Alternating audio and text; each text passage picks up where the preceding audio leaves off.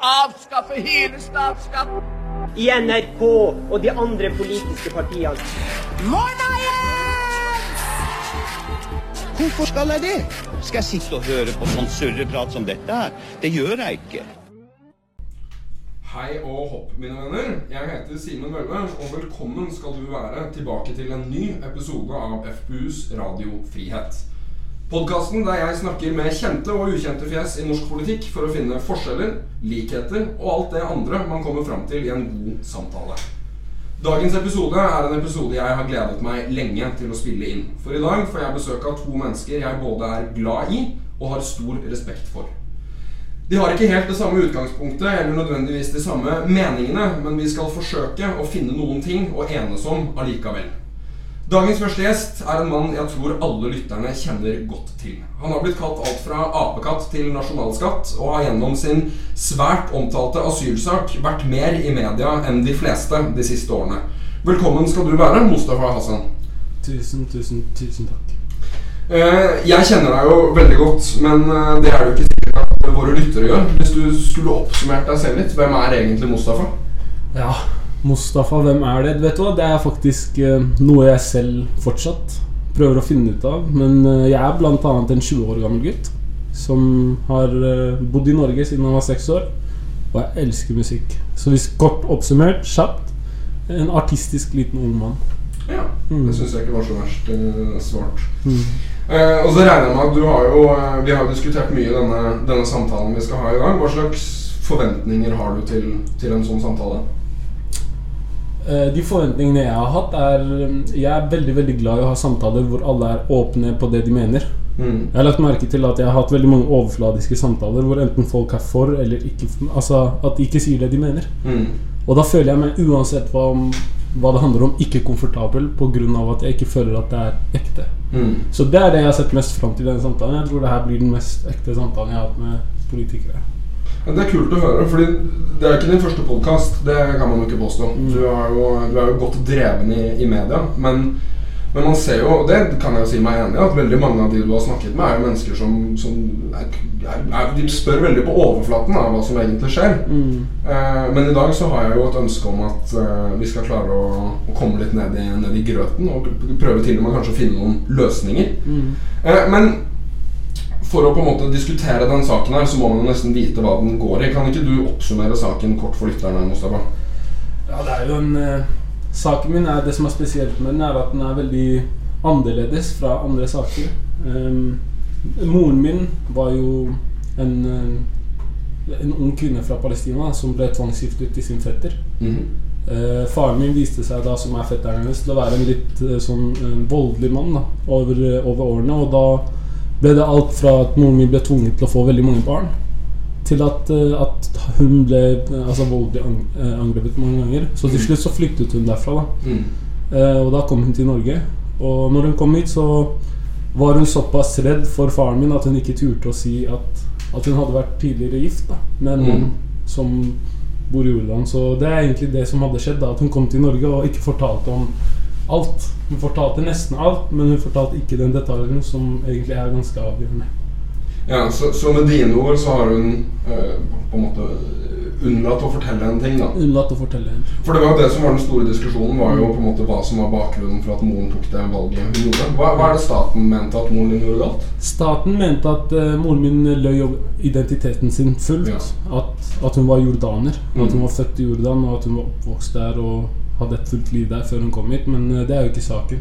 Hun Mm. var jo født i Palestina, oppvokst der, og hun var såpass, hva skal man si, som kvinne i Norge at Mm. hun ble tvangsgiftet for at hun ikke skulle gå ut og liksom prøve å få seg jobb. Eller du vet liksom hvordan kulturforskjellene er. da Og det var egentlig sånn alt startet.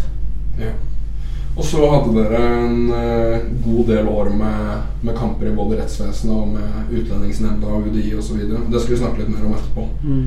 Eh, dagens andre gjest han er heller ingen lettvekter.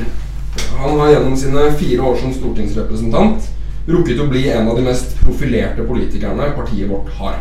Og et navn mange nordmenn har et forhold til, enten det er godt eller dårlig. Det, det skal ikke jeg legge meg opp i. Eh, nå jobber han som kommunikasjonssjef i vår ærverdige stortingsgruppe og er dermed en svært sentral mann i partiet. Velkommen skal du også være, Jon Helgeir. Tusen takk for det. Når var første gang du hørte om Mostafa-saken?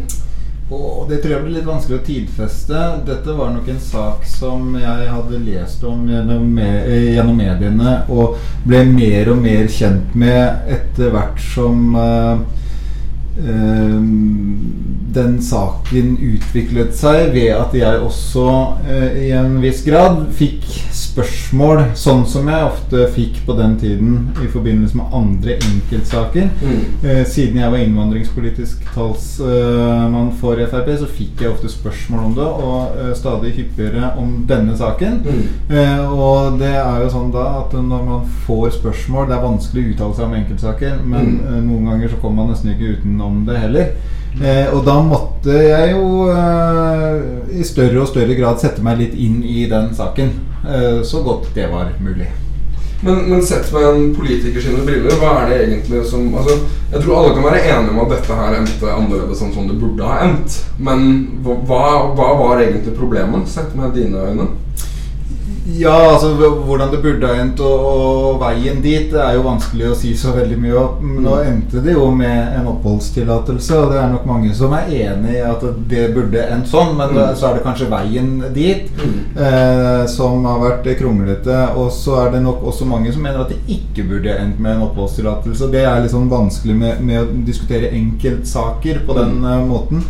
Men det, eh, Sånne saker er ekstremt vanskelig, altså. Ehm, fordi det er så mange hensyn å ta. Og det er stort sett det som gjør dette her så krevende. Eh, jeg tror alle sammen, hvis man skulle satt seg ned og bestemt i sånne saker, og man får den ene historien etter den andre eh, servert, og man eh, får et eh, personlig forhold til det, så er det klart eh, man ønsker hver enkelts beste. Som politikere, og det, i den rollen jeg hadde, så var det jo viktig å prøve å se hva slags grep er det vi kan og bør gjøre for å unngå så mange triste skjebner som mulig. Mm. Og det er ikke alltid det er helt, eh, helt forenlig med å gi alle på individnivå det de skulle ønske. Mm. Uh, og, det, og det er liksom det jeg husker at jeg forsøkte å kommunisere i den og en del andre uh, saker. Mm. Uh, at det som kan se riktig, snilt og bra ut i den ene enkeltsaken, kan få negative konsekvenser for en større helhet. Ja. Det er det som gjør sakene vanskelig. Fordi det er jo under 50 barn som lever i en situasjon som på en måte kan sammenlignes med Mustafa sin i Norge. Kan vi ikke bare la dem bli? Jo, det kan det, eh, For det tror jeg er spørsmål mange stiller seg. Ja, det er det store spørsmålet. Og så eh, kan du snu det litt på hodet og si at det er bare 50 som lever i den situasjonen fordi vi ikke har latt alle som eh, kunne havna i den situasjonen, bli.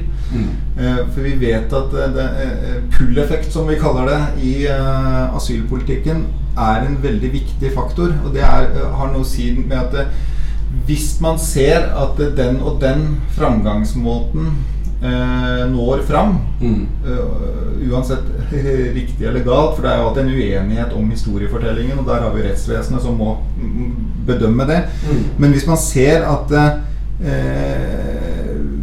du får avslag, du blir lenge nok, eh, du holder fast i historien og får nok runder, så får man opphold, eller man bare til slutt gir en sånn eh, felles amnesti for alle, sånn at alle får bli, Mm. så vet vi noe om at det kommer til å trigge en del flere til å prøve samme oppskrift. Mm. Sånn at eh, ved å gi de 50 bare opphold fordi det er så få, så kan det hende vi har 100 året etter. For Mm. å eh, bare illustrere hvorfor det også er vanskelig. Mm. Så det, det kan være en grunn til at vi har færre enn en del andre land. Det tror jeg vi har. Jeg har ikke noe tall på det her og nå, men jeg tror vi har færre enn en del andre land fordi den oppskriften på å bli her ulovlig lenge nok og få opphold, den funker ikke så godt. Den funker bedre i andre land.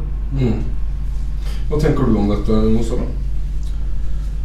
Jeg tenker jo at eh, vi er jo et Vi er i et av verdens beste land. Ja. Og vi har et asylsystem som fungerer Ja. på 99% i mine øyne. Mm. Man har jo alt annet fra forskjellige systemer til velferdsstat bla, bla, bla. Så det er, det er så mye å ikke klage på. I hvert fall for min del som eh, asylsøker. Mm. Eh, men jeg tenker bare at når det For min del og min sak så har det bare vært vanskelig å være et barn gjennom det. Og Mm. måtte liksom vokse opp. Fordi jeg forstår at hvis man gjør en feil, så må man på en måte bli straffet for det. Mm. Og så forstår jeg veldig godt at hvilke eh, beskjeder vil man sende ut i verden. Mm. Altså enten så Ok, greit, han her har vært her i 15 år. 20 år, da. Hvis vi lar han bli Ok, han får bli, men hvis vi ikke lar han bli, så kommer han til å gå tilbake dit han her kommer fra, og si 'ikke gå dit'. Det, her er, liksom, det er en beskjed man sender ut. Mm. Og det er et taktisk spill, tenker jeg. Jeg bare tenker at man må ta hensyn når det er eh, barn som er inne i bildet, og når det har gått over såpass mange år at det barnet har blitt en del av det norske samfunnet. Det er det som har vært vanskelig for min del. At, at jeg hele livet har vært bevisst og og, våken på at jeg må snakke med alle jeg møter for å i det hele tatt ha en sjanse. Mm. Jeg må bli mer norsk enn dem. Det har Mm. alltid vært i hodet mitt. Mm. For jeg har ikke penger, jeg har ikke det, jeg har ikke det. jeg har ikke Det Det eneste jeg vet, er at det, ja, men da må jeg gjøre det de vil at jeg skal gjøre. da Mm. Bli så norsk som mulig. Vi har jo snakket mye på tomannshånd, Mustafa. Om, øh, altså en ting er saken, den har vi diskutert mye. Men også på en måte Frp og FpUs syn på innvandring. Hva tenker du om det? Jeg, jeg tenker at eh, det er veldig hva heter det, viktig at vi har alle at For det første, alle kan mene hva de vil. Mm. Og det er det jeg unner folk mest her i Norge. Mm. Det er det jeg også la merke til når jeg var i hjemlandet, at du kan ikke gå og mene hva du vil. Kan ikke si at Israel eh, er dårlig, eller Israel kan ikke gå til Palestina. Man kan ikke gjøre hva man vil. Så her er jeg veldig fornøyd med at jeg faktisk kan mene det jeg vil. Mm. Men samtidig så tenker jeg at Frp og FpU sine sin er jo en friere, en friere fremtid. Mm. eh, mer til enkeltpersonen. Mm. Eh, jeg tenker at så, altså, så lenge folk vil stemme, så lenge folk er enig, så må de ha lov til å stemme på det. Og jeg har alltid fått god behandling når jeg er her. Ut ifra Uansett hva jeg mener selv. Mm. Så jeg tenker at det, det handler bare om hva man vil, og hva man ønsker. Ikke så mye mye ja, hvorfor eller hvordan. da. Men, men for å gå litt tilbake til det vi snakket om i stad, Jon. Altså, det er jo ganske få barn dette gjelder. Og det er ganske få skjebner som egentlig lider under det systemet her. Som Mustafa sier, de aller fleste får løst saken sin relativt fort. Hvordan, altså, det er åpenbart et eller annet hull da, i systemet som bør tettes. Hvordan ser du for deg at det hullene kan tettes? Altså, Frp har jo en helhetlig eh, asylpolitikk Mm. som eh, veldig langt på vei ville løst eh, dette problemet og en del andre problemer. Eh, og vår holdning da altså, For da må vi nesten inn i dybden på hva som er FrPs helhetlige asylpolitikk for Ja. å kunne svare på det. Fordi jeg har ikke noe tro på at vi ved å flykke på regelverket sånn som det er nå Mm. eh, Det samme regelverket ser ofte ut til å slå forskjellig ut i forskjellige saker, og det har jo du erfart eh, i aller høyeste grad.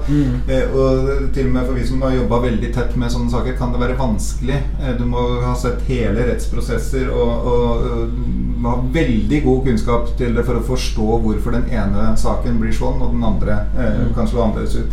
Så jeg tror ikke vi klarer å regulere oss bort ifra eh, disse veldig vanskelige sakene ved å justere lovverket. Mm. Du bare flytter grensene hele tiden for hvem som da faller utenfor. Justerer vi litt, så er det andre som faller innenfor, og Mm. noen andre igjen utenfor. Eh, jeg er mer opptatt av en, en helhetlig omlegging av asylpolitikken, som da var ment for å hjelpe folk eh, i nærområdene eh, som eh, ikke kan være der de bor. Mm. Eh, og det er ikke så mye igjen av den tankegangen, men vi har fått det opp igjen nå med Ukraina. Det er en krig som er brutt ut i vårt nærområde, og da er det ingen som stiller spørsmål med hvor mange vi kan ta imot. Man stiller opp når det er krig i nærområdene, og det er den aller mest effektive måten er å hjelpe folk i nærheten av der de er. Mm. Ehm, så det er vår grunnholdning. Og så er det, det eh, videre da med eh, hvordan er det vi kan eh, Altså det jeg er mest opptatt av, den mest alvorlige konsekvensen jeg mener vi har av eh, asylpolitikken som Norge og Europa eh, fører, det er alle de dødsreisene over Middelhavet. Mm. Altså Til nå så har vel 20 000, over 20 000 mennesker drukna i forsøket på å komme til Norge eller Europa og få asyl. Mm. Og det er fryktelig mange mennesker. Ja. Eh, det viktigste vi kan gjøre, er å sørge for at vi ikke lokker mennesker rett i døden. Eh, ved at vi har et eh, såpass hullete system som gjør at eh, mange av de som ikke har grunn, de forsøker allikevel med livet som innsats. Ehm, og da har vi sett andre grep som har blitt gjort, som har funka. Altså Australia har fått masse kjeft for den politikken sin. Men de så også at dødstallene eh, steig på båtmigranter som ville søke asyl i Australia. De lot det gå eh, et par-tre år før de sa at dette går ikke lenger. Eh, så mange drukninger på en så farlig reise, det kan vi ikke ha. Mm. Så de sa at alle som kommer, eh, kommer ikke til å få asyl her. De kommer til å få den hjelpen og støtta de trenger eh, i områdene der de reiste fra. Så de ble sendt tilbake igjen. Mm. Eh, og etter det har ingen drukna.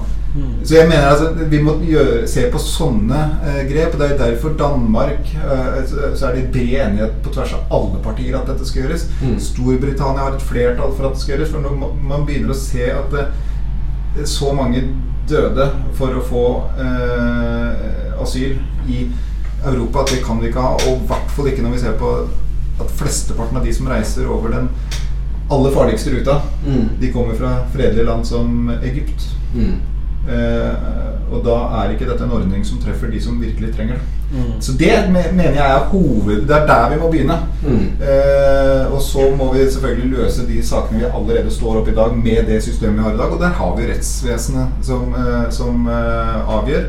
Eh, og der er jeg enig i at det kan virke litt tilfeldig. Mm. Det er vanskelig å si noe annet enn det. Ja, for Mustafa, Kan ikke du fortelle litt om din opplevelse av UDI og Utlendingsnemnda?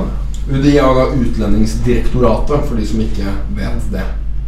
Jeg har jo For min del så har jeg alltid, alltid måttet være på forskjellige møter. Mm. Om det er barnevern eller politi, eller om det er UDI, UNE. Så for min del så Man kan egentlig tenke på det som at eh, jeg har blitt trent opp til å gjøre det jeg måtte gjøre da for Mm. et, to år siden med rettssaken og alt sammen. Fordi alle disse timene, søvnløse netter, tanker, ikke sant, hodekjør hele tiden. Mm. Det, det gjorde sånn at jeg i dag kan sitte og tenke ok, greit. Jeg, vet du hva, jeg er enig med, med Jon på akkurat de punktene han sa nå. Mm. Det er sant. Hvorfor skal folk dø for å få et bedre sted? I hvert fall folk som kanskje ikke trenger det like mye som f.eks. Ukraina akkurat nå. Men jeg tenker også veldig mye på at eh, for min del, når jeg vokste opp, så var det veldig vanskelig å snakke. Altså, Jeg fikk ikke uttale meg. Jeg fikk Mm. ikke sagt det jeg følte, før jeg ble 18 år gammel. Og der syns jeg det er veldig feil. Fordi når det, i min situasjon Ok, du er en utenlandsk mann eller kvinne, og du har gjort en feil, og du har ingen barn. Ok, greit. Du har ikke papirer. Du, du- er på prøvetid, basically. Ikke fuck opp. Ikke gjør så mye dumt. Mm. Men hvis du har, er en kvinne da, med seks barn, bor i Asker, eh, jobber i kirken med hijab, er en del av samfunnet, jobber eh, i eh, Samtidighetsforeningen, er en oppegående person i samfunnet, og så får ikke barnet ditt engang fortalt hvordan det ville påvirket dem da, som et barn. Mm. Fordi jeg vet ikke med dere, men når jeg- når jeg var 12 år, så visste jeg akkurat hva som skjedde rundt meg. Mm. Når jeg var 13 år, så visste jeg enda mer. 14 år, da var jeg våken. Mm. Og det er det folk glemmer, ikke sant? Altså, barn, jo yngre barn, altså alt fra åttealderen opp, er de mest bevisste. Mm. Det er nesten sånn at du føler mer, du tåler mer, du er lurer mer. Og det er da du egentlig skal finne ut at, eh, at sola ikke går rundt deg. Mm. Og jeg klarte ikke å finne ut av det eh, av meg selv. Jeg måtte finne ut det veldig tidlig. Mm. Det gjorde sånn at jeg i dag kanskje sliter med å gå videre. da. Mm. Og det er det jeg er mest redd for for andre barn i min situasjon. Fordi jeg er enig i at hvis man gjør en dum ting, så burde man få en straff for det. At man skal kunne anke hvis man føler at straffen er for hard. Mm.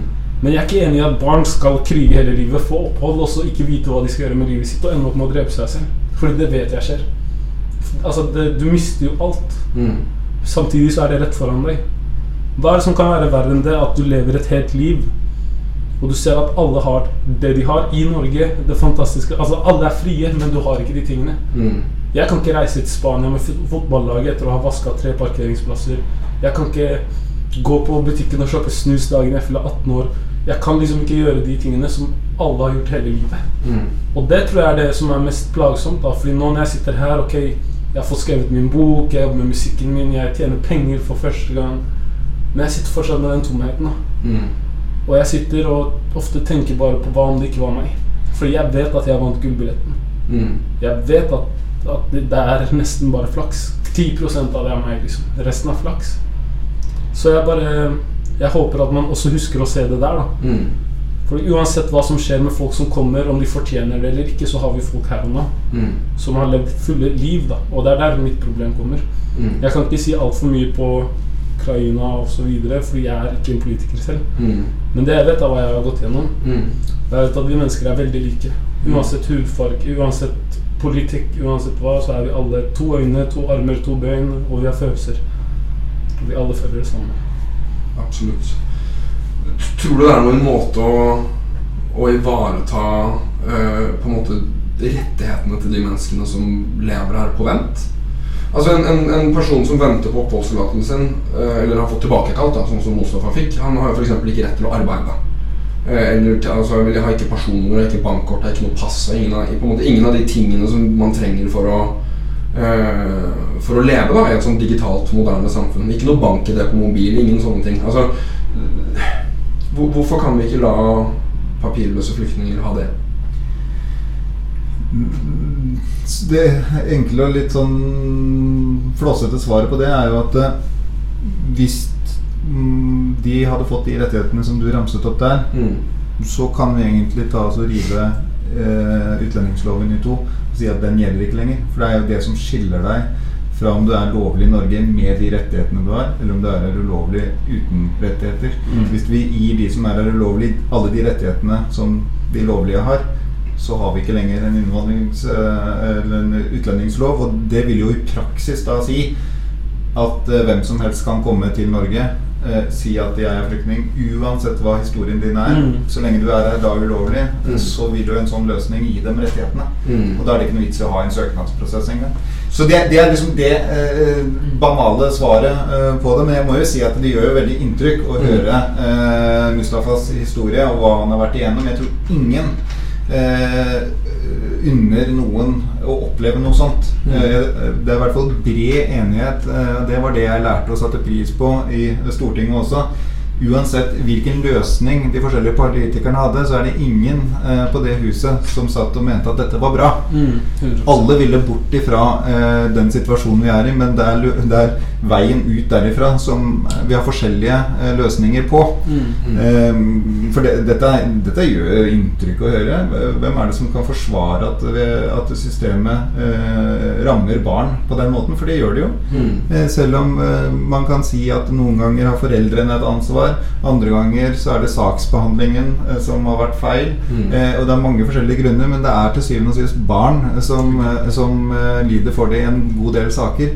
Eh, og, og det må vi bare prøve å, å ta tak i så godt det går. Mm. Eh, og så er det jo sånn også at det, det fins en del ordninger, og det fins jo en del eh, støtteapparat. Eh, selv om man sikkert aldri vil føle at det er nok Mm. når man er i en så vanskelig situasjon. Mm. Men så er det jo mange frivillige organisasjoner. Eh, det er eh, advokater som både jobber etter de ordningene de har, og som jobber frivillig.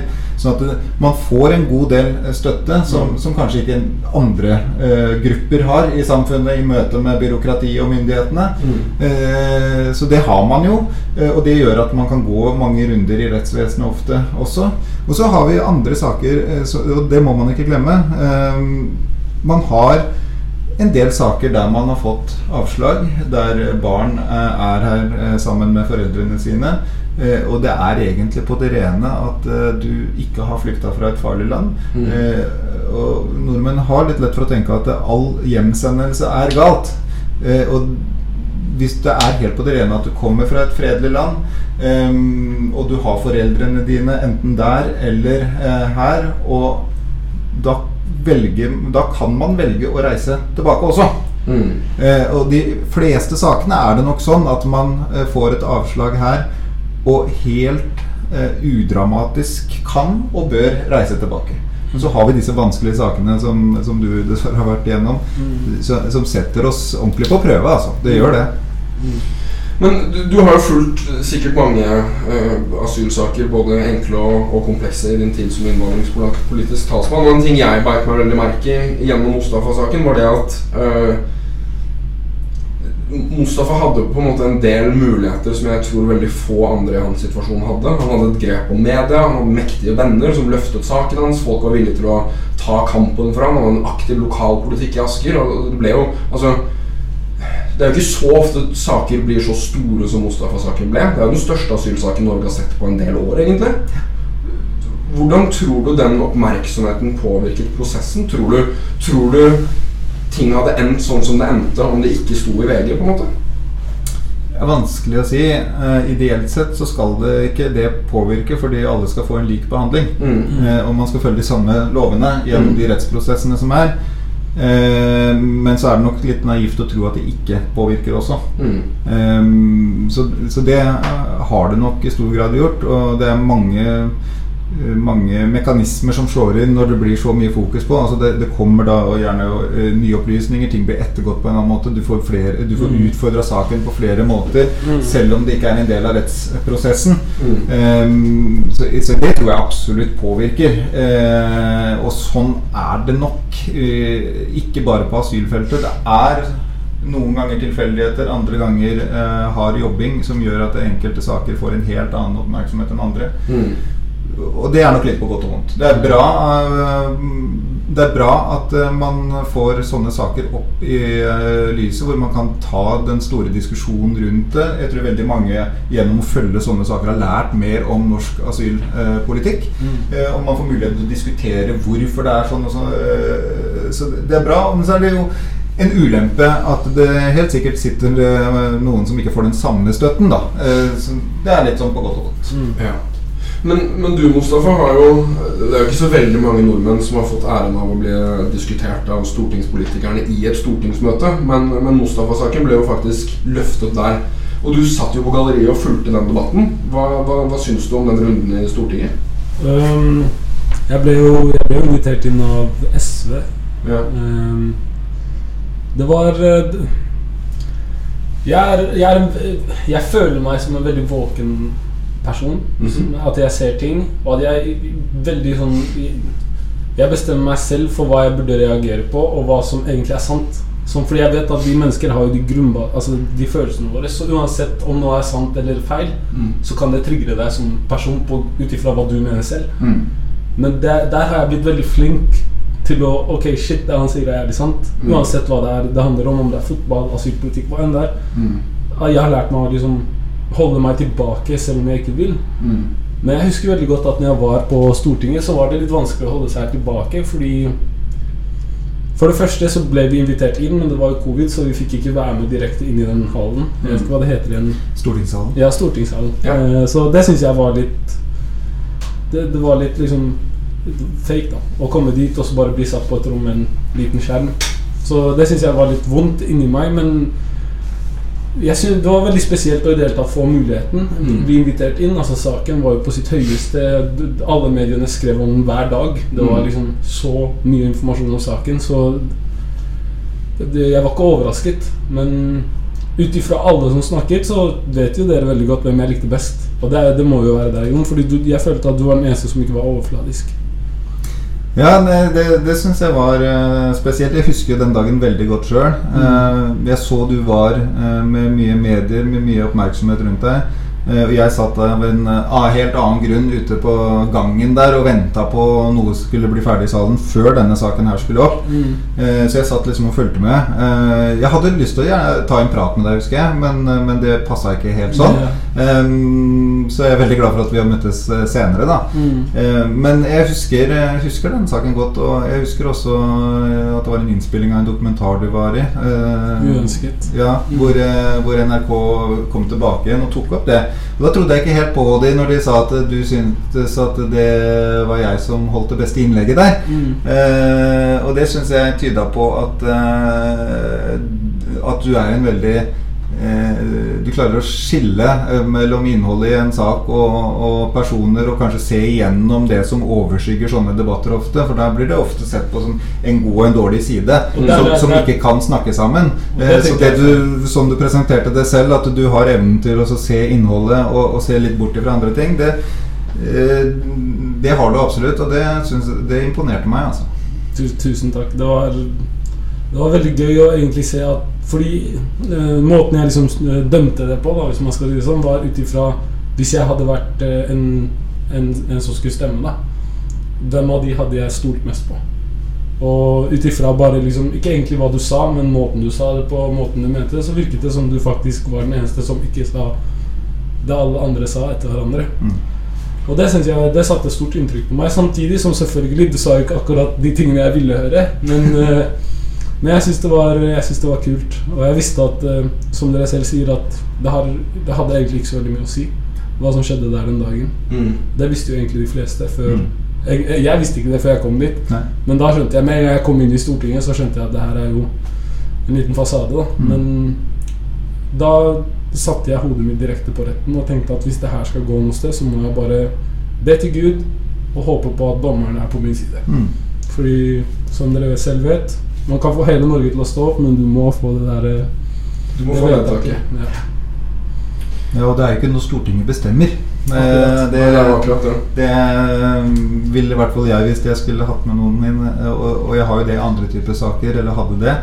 Eh, Jeg har i hvert fall vært veldig bevisst på at eh, man bør eh, gi en riktig og grundig informasjon til folk som ikke vet hvordan det systemet fungerer. Det, Stortinget bestemmer ikke enkeltsaker. Det kan vi ikke gjøre. Vi bestemmer bare lovene. hvordan det Tenkte skal jeg skulle ha rettssak på Stortinget. Ja.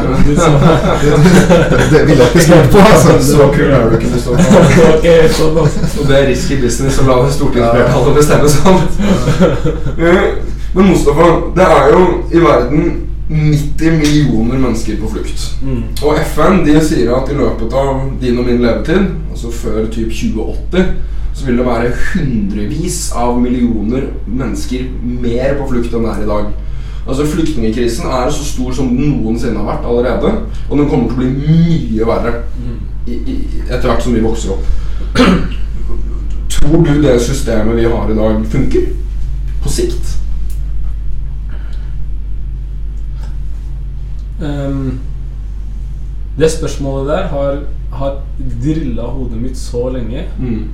Og det er så vanskelig å svare på det, fordi jeg kan ikke sitte her med god samvittighet og si at systemet ikke funker. Altså, se på landet. Mm. Se på Sverige og forskjellen mellom Sverige og Norge. Mm. Det er en grunn for at Norge er så bra. Mm. Og jeg sier ikke at det nødvendigvis er akkurat den asylpolitikken som fikser hele landet, men vi er så flinke på så mange punkter at det blir for dumt å si at de vet ikke hva de driver med. Mm. Det eneste jeg vet, er at jeg var et barn. Mm. Og det vet jeg alle er enige. Og det eneste jeg vet, er at ingen ville at det som skjedde i min situasjon, skulle skje med meg eller min familie. Mm. At det var en sak som gikk mellom Altså, Norge er så bra at den saken her kunne ta ti år. Jeg kunne være her i ti år og fighte. Det sier bare at jeg har rettigheter på det viset at jeg kan klage, jeg kan anke, jeg kan fortsette å krige. Mm. Si- Og situasjonen min var også veldig spesiell med at moren min forlot Norge og lot meg være igjen her og tok med seg søsteren min som er født her. Det er så spesielt, alle de der små tingene som folk egentlig ikke vet. da Mm. Som de får vite hvis de leser boka mi. Um, Ja, Vi må skryte litt av boka til Mustafa. Den heter 'Ikke norsk nok' og er ute i alt av uh, bokhandler og det som er. ja, bare gå og kjøpe. Men uh, jo, så poenget er at jeg er ikke noen politiker. Og Nei. Det blir for dumt for meg å si hva som hadde funket for 90 millioner, ikke minst flere hundre millioner innen vår, det du sa. Så jeg tenker bare at man må alltid ta utgangspunkt ifra at vi, er, vi har gjort en kjempebra jobb her i Norge. Mm. Spesielt politikerne, Stortinget. Der det gjør, gjøres en kjempebra jobb, og jeg tviler ikke på at de kommer til å fortsette med det. Men Mm. bare den barnfaktoren er så viktig. For den kommer til å ha noe å si uansett om de er fra Ukraina eller Afghanistan. Mm. Og det er så viktig, fordi jeg kan være her i ti år og krige. Mm. Og hvis jeg til slutt vinner, Mm. ja ok, hva, hva var meningen med alt det her? sant? Mm. Spesielt når du har vokst opp i landet. Mm. Så ja, det er vel, framtiden som får vise men jeg tenker at man ikke ta det her i, i, Ingen burde ta det her som at vi gjør noe feil. Det er bare hvis vi er så flinke på alle disse punktene, så skader det ikke at vi blir flinke på asylpolitikken litt mer også. Mm. Vi er i Norge, liksom. Jeg klager ikke, men det kan alltid bli bedre. Mm. Absolutt. Vil du si, Jon, at Mustafa-saken på noen måte har endret ditt syn på norsk asylpolitikk? Nei, jeg tror ikke den har endret eh, mitt syn på norsk eh, asylpolitikk. Eh, men det har gjort at jeg har blitt eh, bedre kjent med folkene som er involvert. Mm. eh, på en måte som jeg ikke har gjort via både deg, Simen, for vi har snakket om dette flere ganger, og ved at jeg etter hvert har møtt deg. Så eh, det er jo en eh, veldig interessant eh, prosess, det. Og så Mm. se det eh, fra to sider på den måten. Mm. Eh, men jeg Det høres kanskje dumt ut, men jeg har tenkt så mye gjennom alle sider ved norsk asylpolitikk. Mm. Hvordan den er, hvorfor det slår ut som det gjør av og til, og hvordan jeg mener den burde vært. Eh, at jeg mener også at denne saken inngår i noe gjennomtenkt Mm. som jeg har vært inne på før jeg hørte om denne saken. Mm. Eh, så den har egentlig vært en bekreftelse for meg på at eh, Hvis vi hadde fått gjennomført det jeg ønsker, Mm. så hadde det også hjulpet denne saken på en eller annen merkelig måte. Men da, da er vi tilbake igjen til det resonnementet jeg hadde i stad, med at Mm. man må se den helheten. Eh, fordi det rammer, eh, rammer så galt. Eh, men, nei, den, den svaret er at den har ikke det. Altså, den har ikke endra synet. For det, det er veldig mye kjent ved eh, saken. Mm. Eh, men eh, har nok kanskje gjort uh, meg også mer skjerpa uh, og, og gitt meg mer kunnskap. Absolutt. Det er det. Ja, for det jeg har tatt med meg fra, fra hele den prosessen her, og jeg har jo, det, det vet jo de fleste FPU-erne, men jeg har jo fulgt den saken her tett i, i, i mange år. Og, og for min del handler det mest om at bak alle de sakene man snakker om, og bak alle de statistikkene, så finnes det mennesker, og de menneskene de lever liv, og de har skjebner. Eh, og de skjebnene de, de henger ofte i politikernes uh, hender. Eh, så, så for min del har det egentlig bare gjort meg enda mer klar over hvilken makt vi politikere egentlig skal forvalte, og, og hvor viktig det er at vi tar de riktige beslutningene. Det er noen ganger veldig nyttig for politikere også å se hvordan det, eh, hva de bestemmer, eh, hvordan det slår ut for de det rammer. Mm. Eh, og sånn sett så er denne og mange andre saker veldig viktige å bli godt kjent med. altså. Absolutt. Og nå kunne sikkert vi sittet her hele dagen og diskutert uh, asylpolitikk, men uh, vi er tre busy karer med, med, med fulle programmer, så jeg velger å si tusen hjertelig takk for at dere hadde tid til å besøke meg her i Radio Frihet, og, og tusen takk til alle dere som har lyttet. Min ære. Takk skal du ha.